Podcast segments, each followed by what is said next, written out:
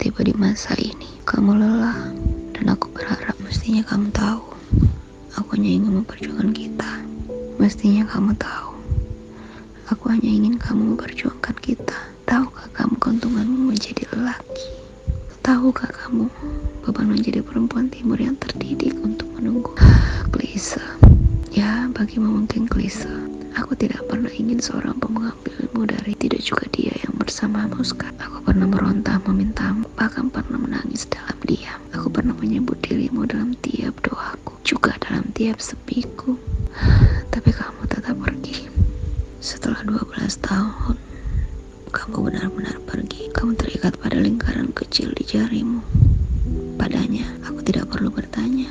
Untuk jawabannya sudah ku ketahui. Tidak semua berakhir seperti kisah-kisah mereka. Kisahku